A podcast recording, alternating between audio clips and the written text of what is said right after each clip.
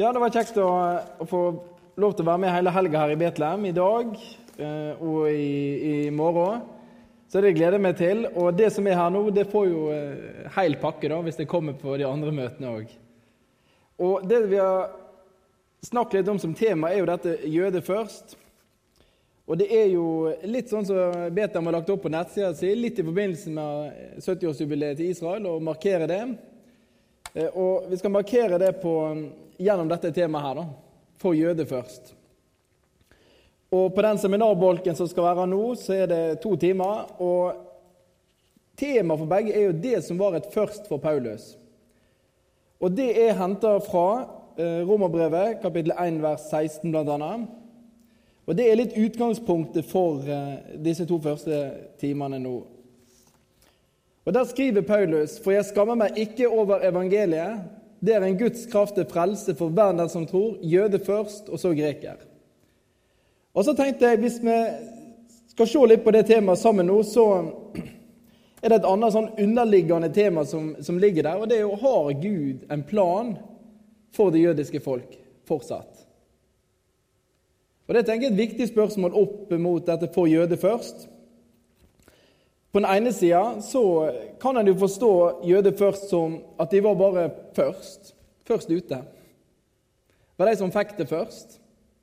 Jesus vandra i Israel, han var jøde sjøl, og de fikk evangeliet fysisk først. Så evangeliet det er Guds kraft til frelse for alle mennesker. Og jødene fikk det først, og så fikk grekere og alle andre det. Det er én måte å se det på. En annen måte som vi skal snakke mest om, er jo at dette først er noe mer enn bare først i rekka. Og Da heter det at det er tidsadverb, men det er veldig fint. Men at det er noe som ligger der. På norsk bøyer vi ikke alltid verb sånn som de er på, på gresk. Der har vi har 'kom' og, og 'først' og sånn. Men eh, eksempel 'kom' det kan òg være på gresk å være kommende, å leve kommende til Jesus. Og er det det Paulus er inne på her, å være først? At det ligger en prioritet inne i bildet. Og da kommer dette underliggende spørsmålet Har Gud en plan for det folket fortsatt? Eller er han ferdig med det jødiske folk? Og Det er inngangen nå til disse to timene, og jeg har lyst til vi skal be litt i lag før vi fortsetter. Herre Jesus, takk for at vi får være sammen her i Betlehem i dag. Takk for at du samler oss. Så ser du temaet så ber jeg framfor alt Jesus at du må bli stor for oss. Vis oss det evangeliet som er Guds kraft til frelse. La oss få kjenne det i hjertet og tankene våre. Åpne ordet ditt for oss. Amen. Før vi begynner, så tror jeg jeg sier litt mer om meg, for det kan være noen lurer på det. Eh, mer enn at det bare er en gammel venn av Arne. Det syns jeg var frekt eh, å si. Vi er ikke så gamle, Arne. Selv om du er jo 80 år inni hodet av og til. Det er jeg òg av og til. Men jeg heter Vegard Soltveit. Jeg kommer, egentlig, jeg kommer fra Radøy. Og eh, så har jeg bodd en del år i Kristiansand og jobba i Indremisjonen der. Og så begynte jeg å jobbe i Israelsmisjonen for eh, drøye to år siden.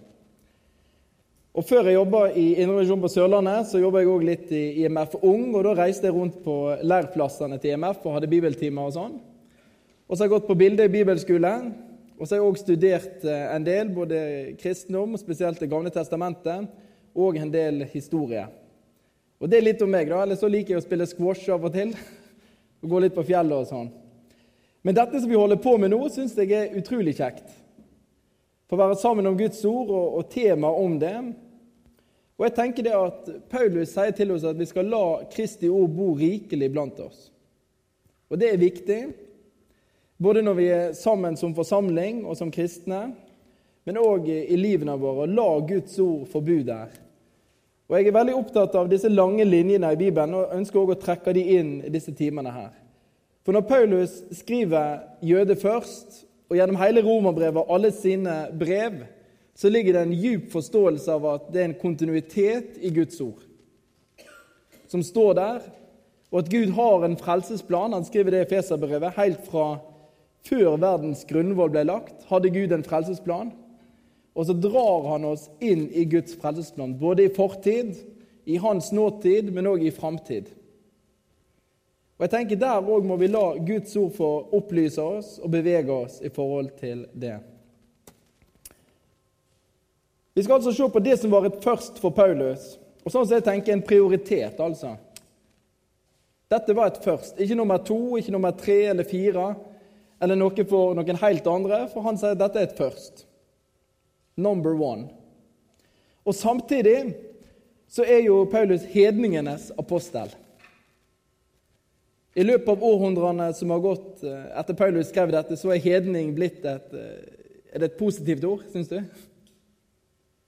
Eller negativt? Dette var sånn jeg forventa av en IMF-forsamling. Ja. Nei, altså hvis, eh, Nå er jeg av og til noen konfirmasjoner, og litt sånn, og jeg skriver jo aldri 'gratulerer med dagen din, hedning'. Altså Det er frekt. Vi, vi skjønner det intuitivt. Eh, hedninger er jo de andre. Hedninger er noen andre enn oss. Vi er iallfall ikke hedninger. Det kan være noen i Kina eller i Sverige, eller, eller, men det er ikke oss iallfall. Når Bibelen snakker om begrepet hedning, så tenker jeg det er mer nøytralt enn det vi har lagt inn i det. Det å være en hedning det er å ikke være en del av Israels folk. Så Sånn sett så deler Bibelen litt brutalt og litt svart-hvitt egentlig inn verden i to folk. Det jødiske folk og hedningefolkene. Eller folkene eller grekere eller barbarer. Det høres jo òg brutalt ut.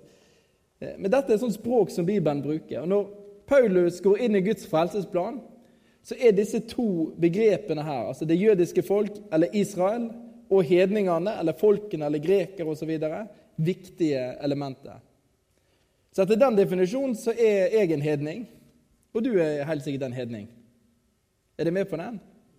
Og Dette er definisjonen han bruker. Og så forstår Paulus, som er en jøde, som er skriftlærd, han har Benjamins stamme osv., han forstår seg som hedningens apostel.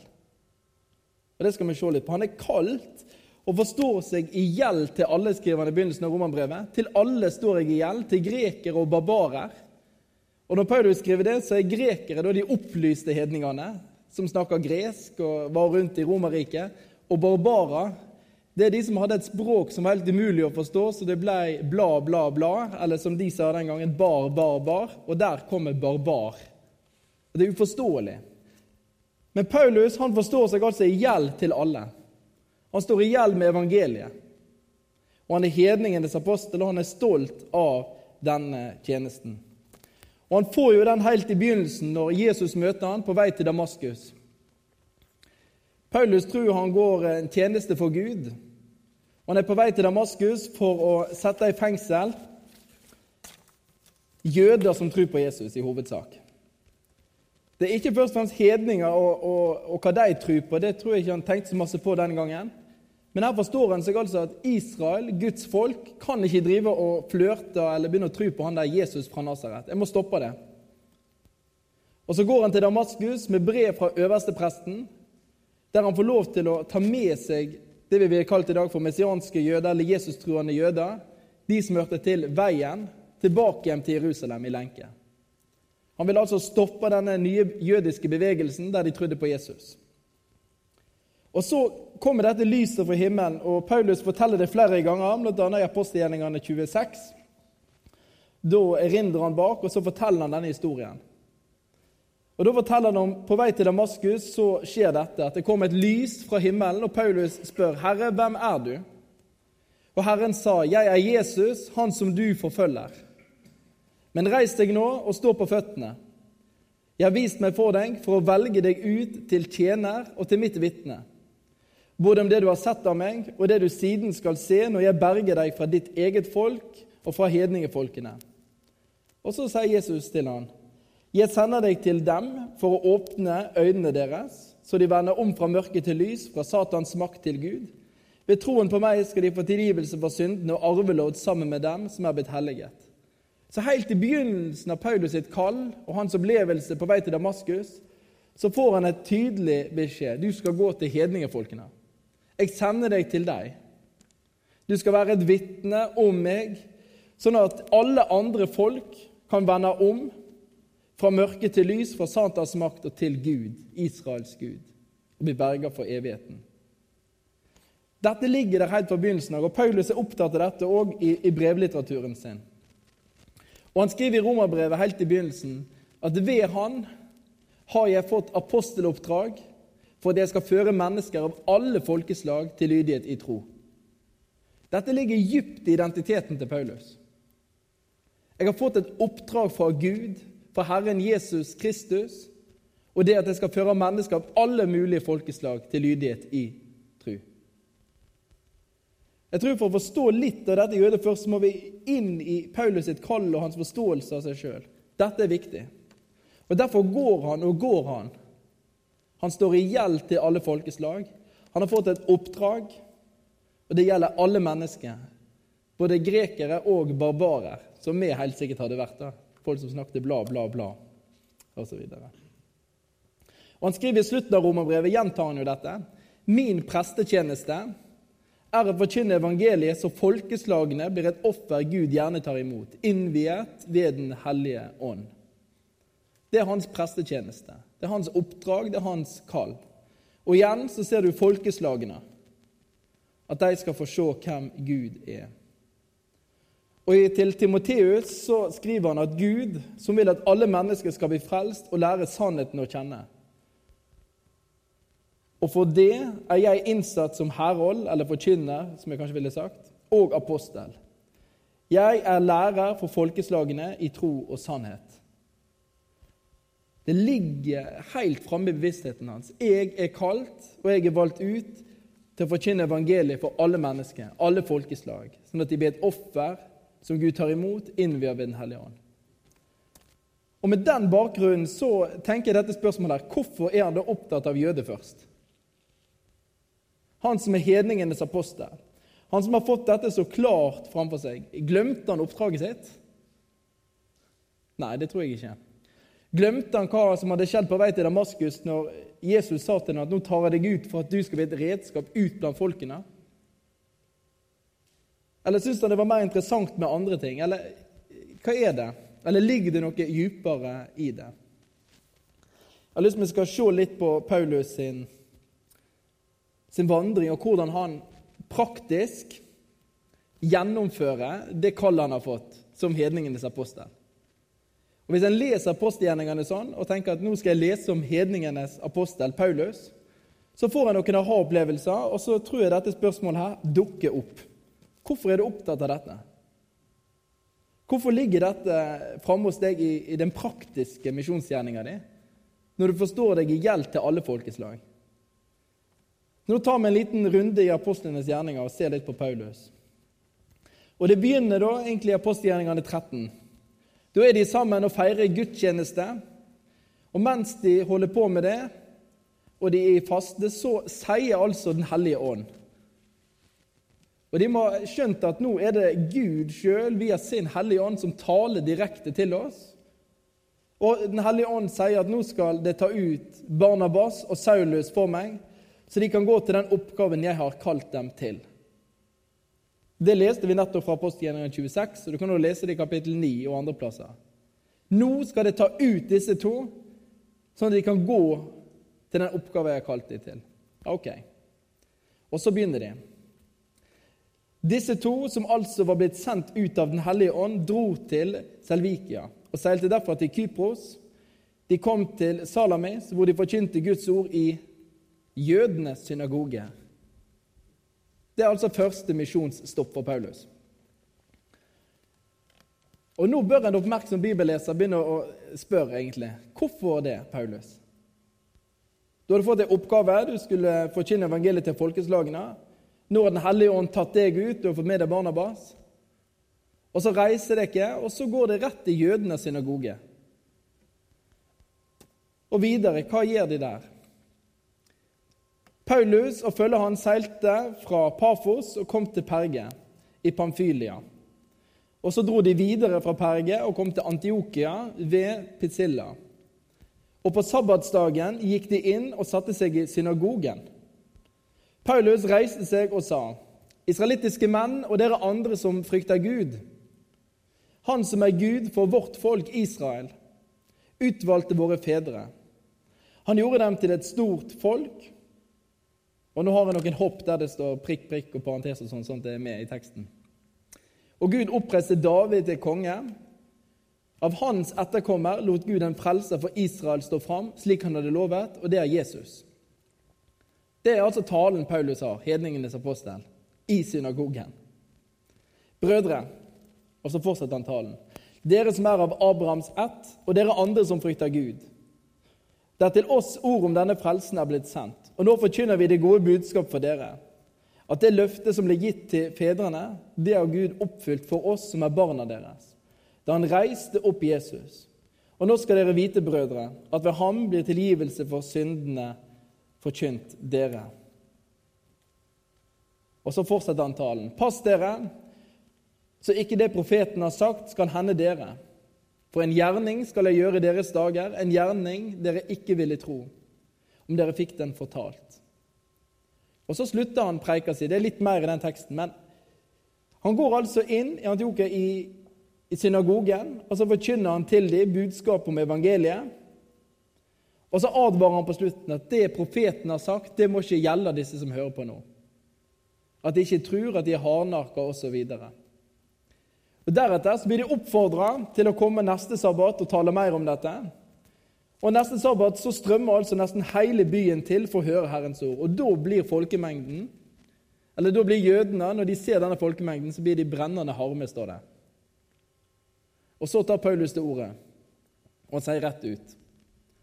Det var nødvendig for oss å forkynne Guds ord til dere først. Da snakker han altså til jødene i byen. Men siden dere avviser det og ikke finner dere verdige til det evige liv, går vi nå til hedningene. For dette er Herrens befaling til oss. Jeg har satt deg til et lys for folkeslag, for at du skal bringe frelse helt til jordens ende. En del Israels engasjement de føler jeg av og til stopper å lese i apostelgjerningene der. Og så sier de ja, Paulus var opptatt av jødene helt fram til slutten av kapittel 13 i Apostelens. Da sier han jo rett ut nå går jeg til hedningene. Og så var han ferdig, og da skjer det en endring i, i Guds husholdning eller timeplan, eller hva enn de sier. Men han går altså til jødene først her, og så kommer det motstand. Og så tar han opp dette med folkeslag. Men hvis vi fortsetter litt i apostelens gjerninger, så ser, så ser vi at denne, denne, prioriteten for Paulus den fortsetter. Egentlig gjennom hele apostelens gjerninger. I kapittel 13 videre da ristet de støvet av føttene mot dem og dro til Ikonium. I Ikonium gikk de på samme vis inn i jødenes synagoge. Og Så kom de til Berua i kapittel 17. Og Da de kom der, så gikk de inn i jødenes synagoge. Jødene der hadde et edlere sinnelag enn i Tessalonika. Og De tok imot ordet med all velvilje og gransket Skriftene daglig for å se om alt stemte. Mange av dem kom til tro. Og Videre, i synagogen i Aten, førte han samtaler med jødene og den som dyrket Gud. Og På torget snakket han hver dag med de han traff der. Og Deretter, når han kommer til Korint, så sier han at han traff en jøde som het Akvilas. Og Tilbake igjen i Efesos så skilte Paulus lag med de andre. og Så går han til synagogen og fører samtale med jødene der. Og Han gikk så til synagogen i Efesos og talte fritt og åpent der i tre måneder. Så her ligger det ikke bare inn at han stopper i kapittel 13. Men det ligger hele veien. Jeg går til jødene. Og Dette spørsmålet bør da oppta oss. Hvorfor er dette viktig for deg, Paulus, du som har fått et oppdrag å gå ut med evangeliet til alle folkeslag? Hvorfor gjør du på denne måten? Hvis noen her inne nå hadde fått en, hvis vi hadde fått en skikkelig åpenbaring her, og så er det en person her inne du er kalt til å forkynne evangeliet for alle folkeslag i verden. For det var det som skjedde med Paulus og Barnabas. Og Så begynner de misjonsgjerninga si, og så leser du referatet i apostlenes gjerninger, så er dette egentlig det du kan oppsummere med. Så kan du enten si at de bommer. De går jo bare til jødene og i synagogen i hver by. Eller så bør en spørre hvorfor gjør de det? Hva er målet? Hvorfor prioriterer de å gå til synagogen? Hvorfor prioriterer de å gå til jødene med evangeliet? Og Samtidig så ligger det inni her at de samtaler med andre folk òg. Det ser vi òg. Han treffer de på torget og samtaler med folk, og folk kommer til tru osv. Men denne prioriteten, jøde først, den ligger inni der. Og Når Paulus avslutter, har sin avskjedstale til menigheten i Efesos, eh, og den er utrolig sterk, da, leser jeg Postgjerningene 20, men der sier han dette her. Dere vet at jeg ikke har holdt noe tilbake som kunne gagne dere, men jeg har forkynt for dere og undervist dere, både offentlig og hjemmene. Jeg har vitnet både for jøder og grekere om vennelse til Gud og troen på vår Herre Jesus. Så tar han med det her òg. Dette har vært mitt liv. Dette har vært min tjeneste. Jeg har vitnet både for jøder og grekere om vennelse til Gud og troen på Herren Jesus. Dette har vært prioriteten. Dette har vært det han har holdt på med. Og da har du på den ene sida hedningenes apostel, som han forstår seg sterkt som. Og samtidig i praksisen så ser vi at han er jøde først. Det han skriver òg til menigheten i Roma.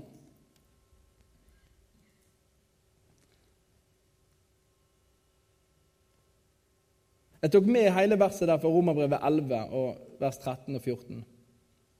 Vi skal ta det òg før vi går inn og ser på noen linjer som jeg tror Paulus var opptatt av, og han forsto seg sjøl ut ifra.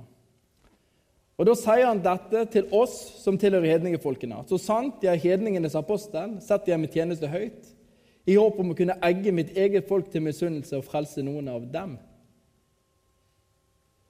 Så de går hånd i hånd. Og Han setter tjenesten høyt som hedningens apostel, og i sin tjeneste har han altså et håp om å kunne være med og egge sitt eget folk til misunnelse og omvendelse til Gud. Så her er det ikke noen sånne vanntette skott mellom hedninger og jøder, men det går litt sammen hos Paulus. Og så er det denne drømmen. Vi skal se litt på et sånt heilbibelsk perspektiv mot, inn mot slutten av denne første timen, før vi drar det i land i andre. Paulus, som var en skriftlærd, opptatt av eh, Det gamle testamentet, opptatt av skriftene der, han kunne det helt sikkert utenat, og bedre enn eh, sikkert alle vi kjenner. Dette var livet hans, hadde vært helt fra han var barn. Og Han sier om seg sjøl at han gikk lenger enn mange av sine jevnaldrende. Han via virkelig livet sitt til å kunne Skriftene. Og Når han begynner sin tjeneste, så ligger dette i han. Han kan Guds plan. Han hadde bare ikke sett det helt før han kom til Damaskus, men da er det akkurat som det faller siste biten på plass, og så tar det fyr. Og Nå skal vi ta noen av de linjene som jeg tror Paulus er opptatt av, og som jeg tror kan være med å hjelpe oss å forstå hvorfor han prioriterer sånn som han gjør i sitt oppdrag med folkeslagene. For hva er Israel og folkene i en heilbibelsk sammenheng? Jeg tenker at Det første vi må ha klart for oss, er jo at Gud han er virkelig skaper, opphavsmann til absolutt alt. Og Det tror jeg vi vet godt.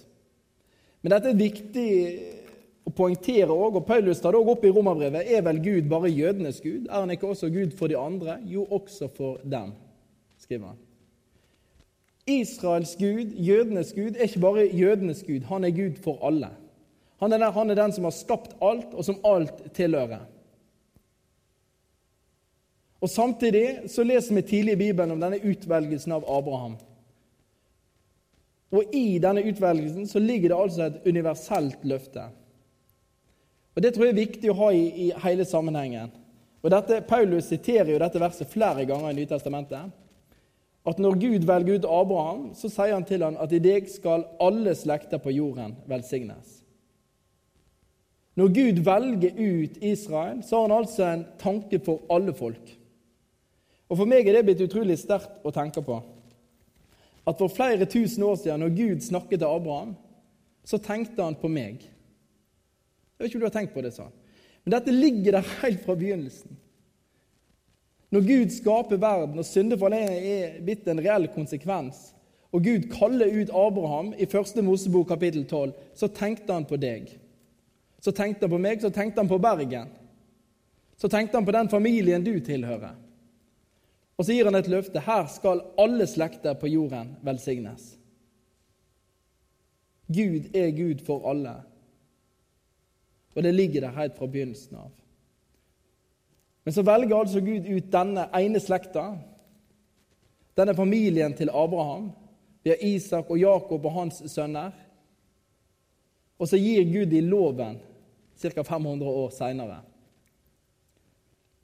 Og loven jeg har lyst til å lese hva Gud sier om det. Hør nå.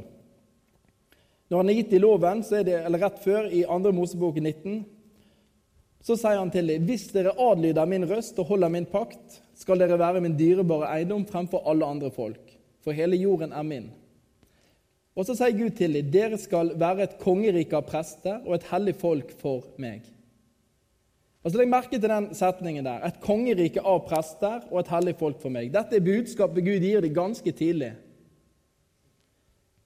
Hvis du er kjent med presteperspektivet i, i, Bibelen, så er det at presten er en mellommann eller en forkynner eller en formidler på vegne av Gud mellom Gud og folket. Det var øversteprestens jobb, og det var også prestenes jobb. Og Nå sier Gud inn i den situasjonen at overfor verden så har jeg kalt ut dette folket, israelsfolket, til å være et kongerike av prester, et kongelig presteskap. Peter tar det opp igjen i sitt første brev. Det skal være et kongerike av prester. Og Hvis hele folket er kalt til å være et kongerike av prester, hvem er det da som er igjen? Hvem skal de da gjøre tjeneste for? Seg sjøl? Ja, det må de jo, klart. Men det er jo for verden. Det er jo for folkeslagene. Altså, Jeg kaller dere til å være et kongerike av prester. Ser du det at når Gud gir israelsfolket sin lov, så har han hele verden i tankene. Og han utdyper dette i 5. Mosebok kapittel 4. Dere skal holde dem, da er det loven eller budene, og leve etter dem. Ja, hvorfor det? Ja, For det første er det jo, det er jo gode bud. Det, altså det er godt å holde hviledagen hellig. Det er godt å hedre mor sin og far sin. Det er godt å ikke slå i hjel. Det er godt å være et folk der du ikke skal lyge. Så det er, det er en god lov.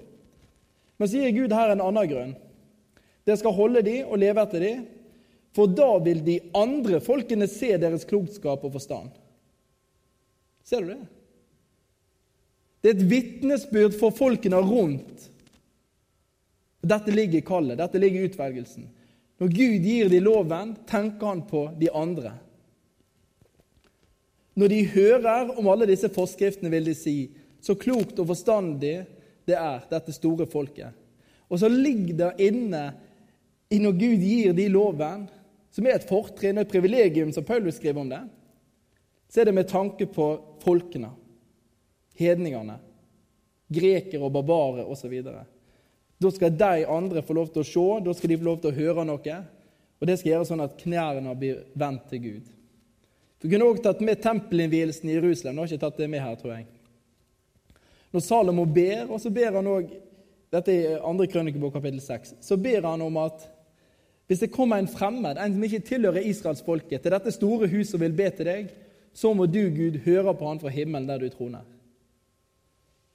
Og Konklusjonen til Salomo er fordi at da, sånn kan alle folk på jorda bøye kne og tilbe deg, du som er Gud over alle. Det ligger òg i tempelinnvielsen, som Paulus også skriver et av til dette folket.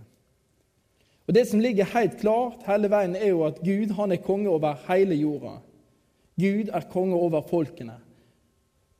Denne tanken som noen av og til har, at i Det gamle testamentet var Gud kun opptatt av det jødiske folk, og så skjer det noe helt nytt i Nytestamentet, det er feil. Det er en falsk forkynnelse, en vranglære. Dette ligger inne hele veien. Gud er virkelig Gud for alle, og han har en tanke og en omsorg for folkene. Bare ta eksempelet fra profeten Jonah. Når Paulus Nei, Paulus, Når Jonah får et kall til å gå til storbyen Ninive, hovedstaden i Asyria. Og Så vil han ikke helt til å begynne med, og han er jo en elendig profet på mange måter, egentlig. Eh, som prøver å reise andre veien og stå på. Han vil ikke til Ninive. Men eh, Gud han har radarstyring på en fisk og styrer han på land, og det skjer masse i den boka. Og Så går Jonah inn, og så har han en, vil jeg si, en dårlig preik. Om 40 dager skal denne byen legges i grus, og så går han. Men så, på en eller annen merkelig måte da, så blir det sånn at dette folket omvender seg til Gud. Disse hedningene i Ninive, asyrerne, vender om til Gud.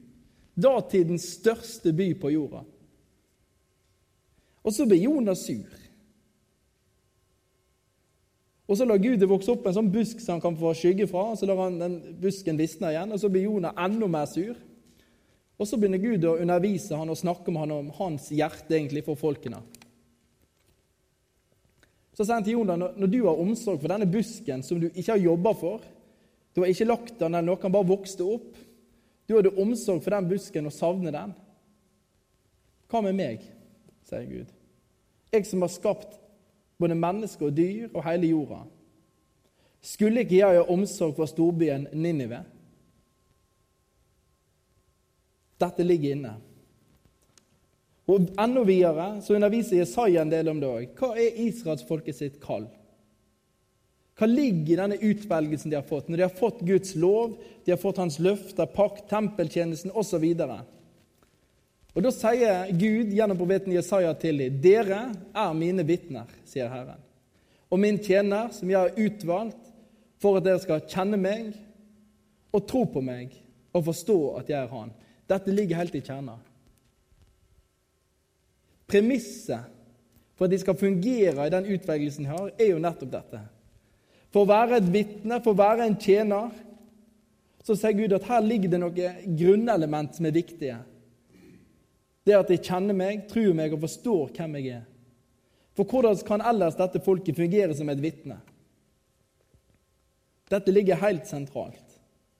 Og Du kan se på alle profetene Gud sender til dette folket, så er det med et kall om omvendelse, at hjertene skal vende seg til Han. Det ligger helt fra begynnelsen av. Og Det som er tanken, er jo det Jesaja også skriver videre. Mitt folk som jeg har formet, skal forkynne min pris. Det skal være en undervisning, det skal gå noe ut fra dette folket til de andre folkeslagene. Her ligger det en djup tanke gjennom Hellige Guds. Guds ord. Og fra Jesaja 49 så sier Gud, 'Jeg gjør deg til lys for folkeslag, så min frelse kan nå til jordens ende'.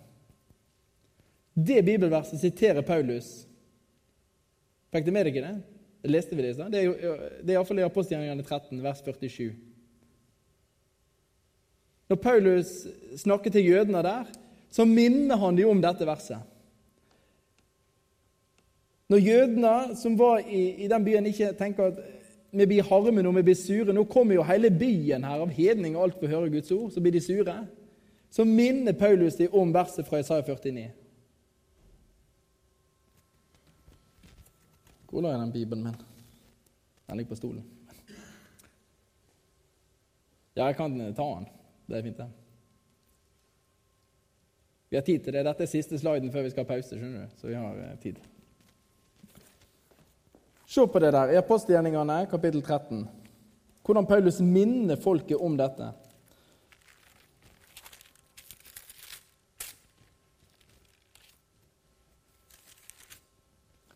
Vers 47. Vi kan ta med 46 òg. Nå skjer det noe her.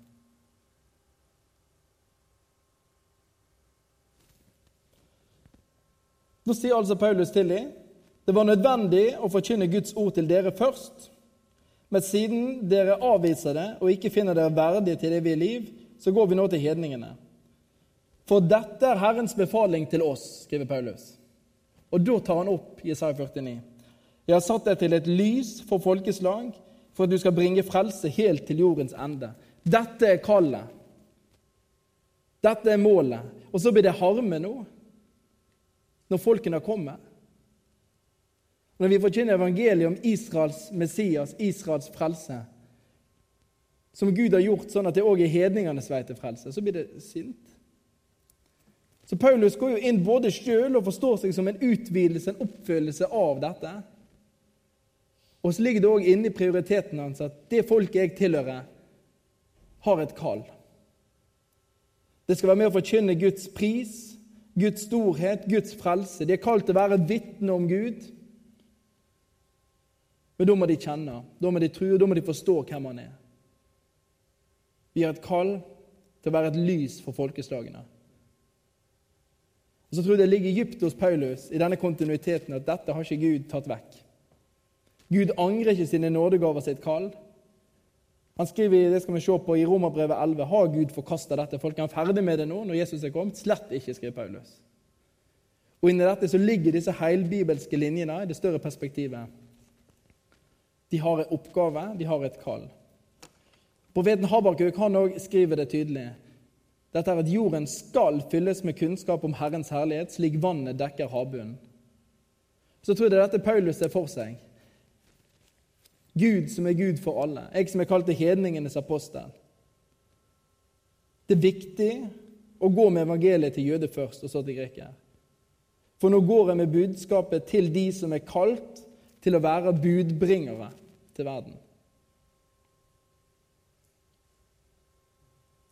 Jeg har lyst til å lese et siste vers fra Salme 67 før vi tar en kort Hvor lang pause er det her? Det kan du bestemme, pastor 2. Hæ?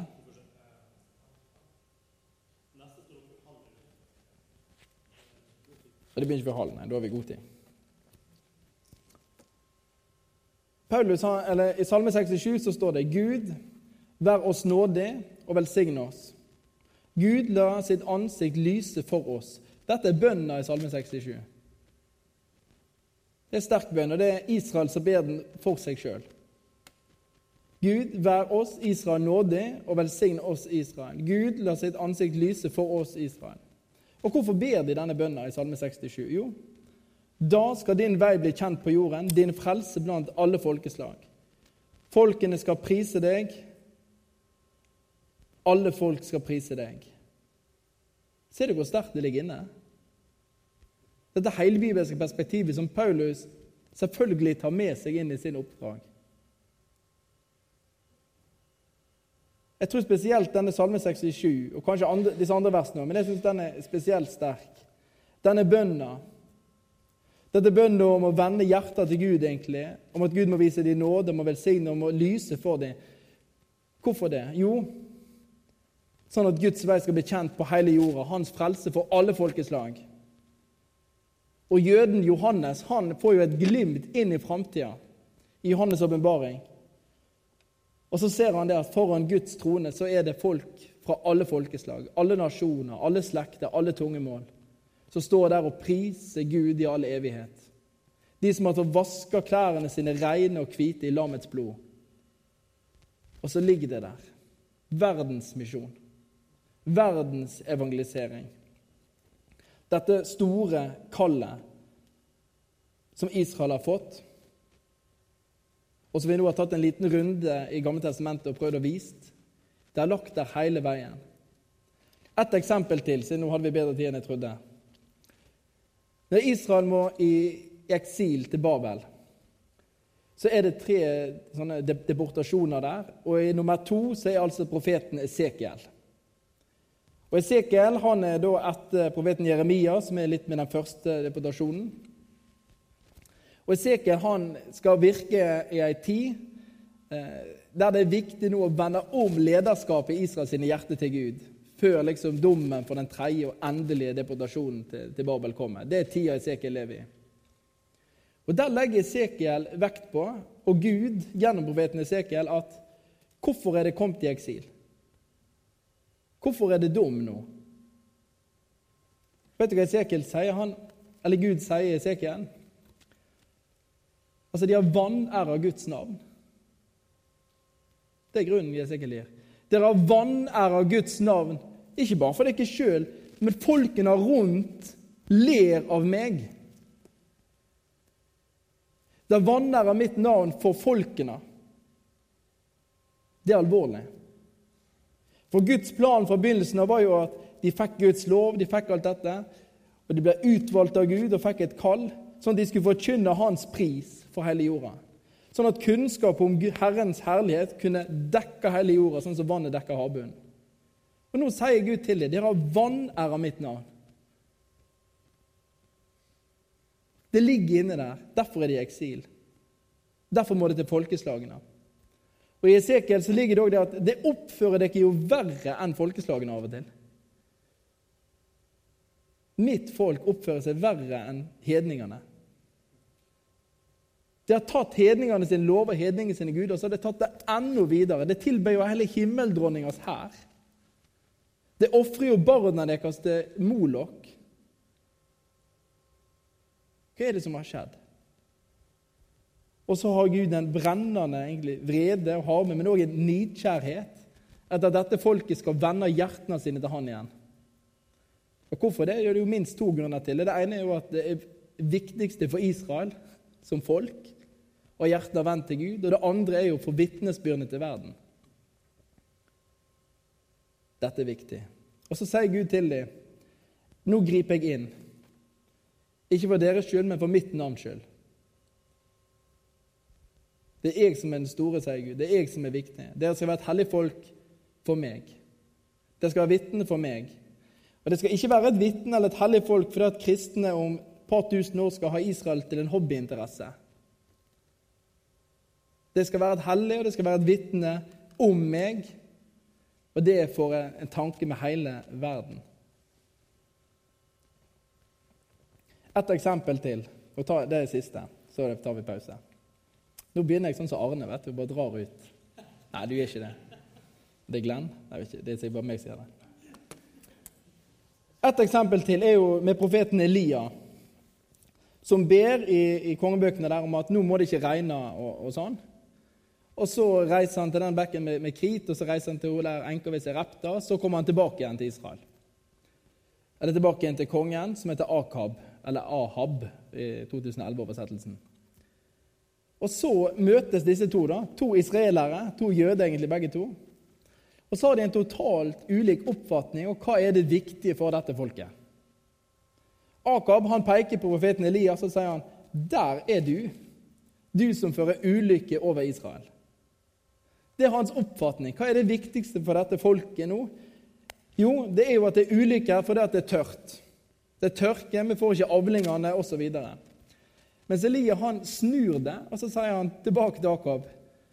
Det er du og ditt farshus som fører ulykke over Israel. For Elias ser det at det er viktigste og farligste nå, det er ikke at det er tørke her. Men det som er virkelig farlig, er jo at Guds folk ligger på kne og tilber Baal istedenfor Herren. Det er farlig. Det er farlig for Israel som folk, og det er farlig overfor folkeslagene, for dette folket var kalt til noe. Har fått et vitnesbyrd. Derfor er det krise nummer én for Elia. Det er du, Akab, som fører ulykke. For du har ført hjertene til dette folket til å bøye seg for Baal, til å bøye seg for Astarte. Og du har masse profeter rundt for disse her, mens Herrens profeter har du drept. Det er krise. Og så har han dette perspektivet med seg, han òg. Og jeg tror det er dette Paulus tar med seg inn når han begynner òg. Han er kalt som enkeltindivid til å forkynne evangeliet for alle folkeslag, men òg som en del av det folket han tilhører. Satt som lys til å bringe Guds frelse ut til jorda, helt til verdens ende. Og Det er jo oppdraget Jesus gir sine jødiske disipler. Dere skal være vitner i Jerusalem, i Judea, i Samaria og helt til jordas ender. Og Det skal vi fortsette på litt i neste time, hvordan Paulus underviser videre ut ifra dette. Nå har vi sett en del på det gamle testamentlige, så skal vi inn litt mer i Romerbrevet og Efeserbrevet. Hvorfor er det viktig for Paulus dette med jøde først, nå når Jesus er kommet? Hvorfor er det fortsatt viktig for han? Og Da tar vi pausen.